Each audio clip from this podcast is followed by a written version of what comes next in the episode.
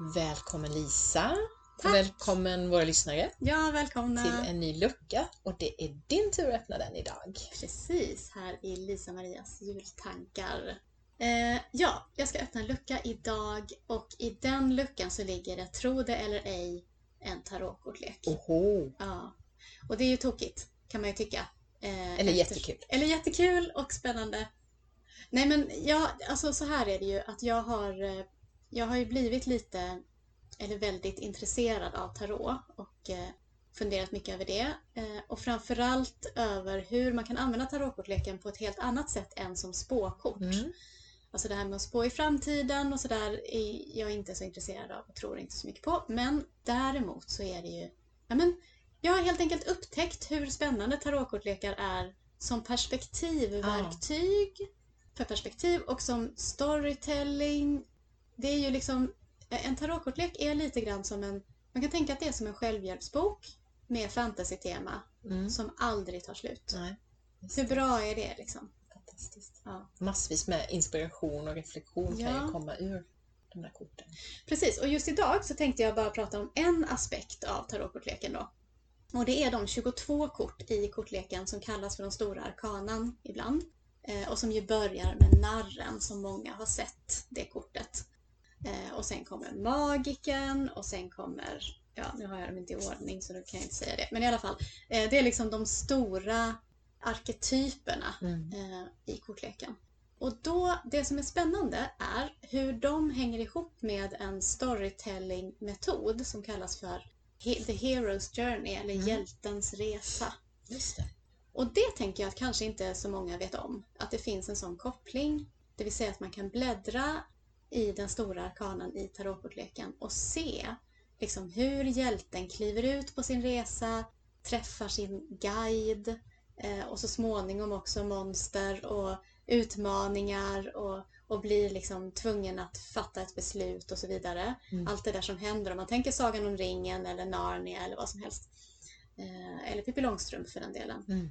Och sen klarar sin utmaning på något sätt och blir en ny person på kuppen. Och kommer tillbaka och det sista kortet i den här stora arkanan i tarotkortleken är världen. Mm.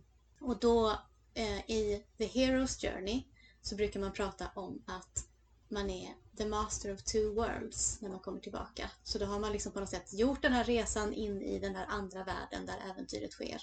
Och så kommer man tillbaka och är mästare både i den världen och i den som man kom ifrån. Mm. Och har liksom på något sätt, är också bryggan mellan de världarna. Just.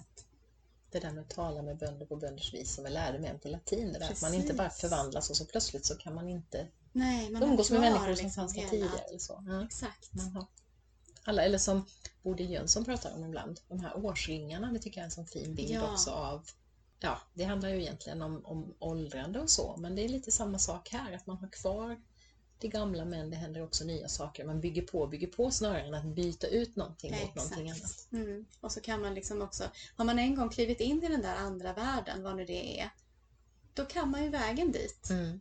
Och så kan man kliva mellan världarna. Så jag känner ju att jag gör det nu bara genom att jag kliver mellan att hålla ledarskapsutbildning för ideella, ideellt engagerade ena sekunden och fundera över hur kan vi använda tarotkort för personlig utveckling Mm. I den andra världen och, och kliva mellan. Du har ju klivit väldigt mycket mellan världar kan man Ja, säga. det har jag gjort eftersom jag har en akademisk bakgrund och varit väldigt så i vetenskapen och Mm. forskningens tjänst. Men också alltid haft ett intresse för en massa andra saker och andlighet och jag är väl kanske ännu mer intresserad av det andliga perspektivet på ett sätt. Eh, så. Men jag ser ju också framförallt möjligheterna i jag har jobbat med, med kortlekar, inte så mycket med just tarotkortleken men med orakelkort som det kallas ibland då, som är lite mer, inte så tydligt strukturerade utan kan se lite olika ut. Men, men precis på samma sätt som du egentligen, alltså som ett verktyg för Ja.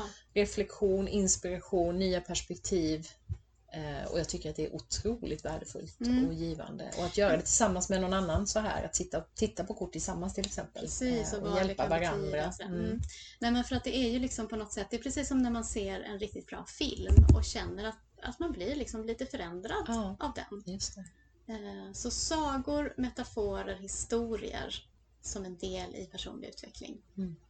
Ja, det tänker jag är spännande och Det är roligt. jättespännande. eh, Och att kliva mellan världarna. Jag tänker, du har ju varit i anhörigvärlden Ja. också ett tag. Precis. Så att just det här att, liksom, ja, att, att inkorporera nya världar. Nya världar. Ja. Utan att tappa de gamla och Just kunna det. kliva mellan dem.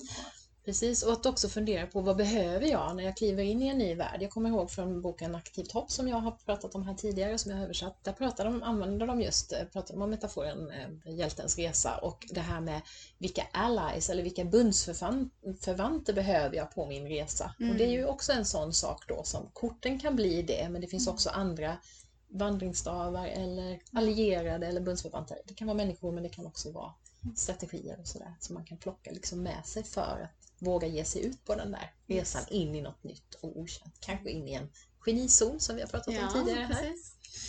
Ja, så Mm. det, det, i den luckan jag öppnar så ligger det en tarotkortlek men uppenbarligen också lite olika världar Ja, och liksom hur man kan använda metaforer och sagor Mm. som ett sätt att jobba med personlig utveckling eller bara för att det är kul.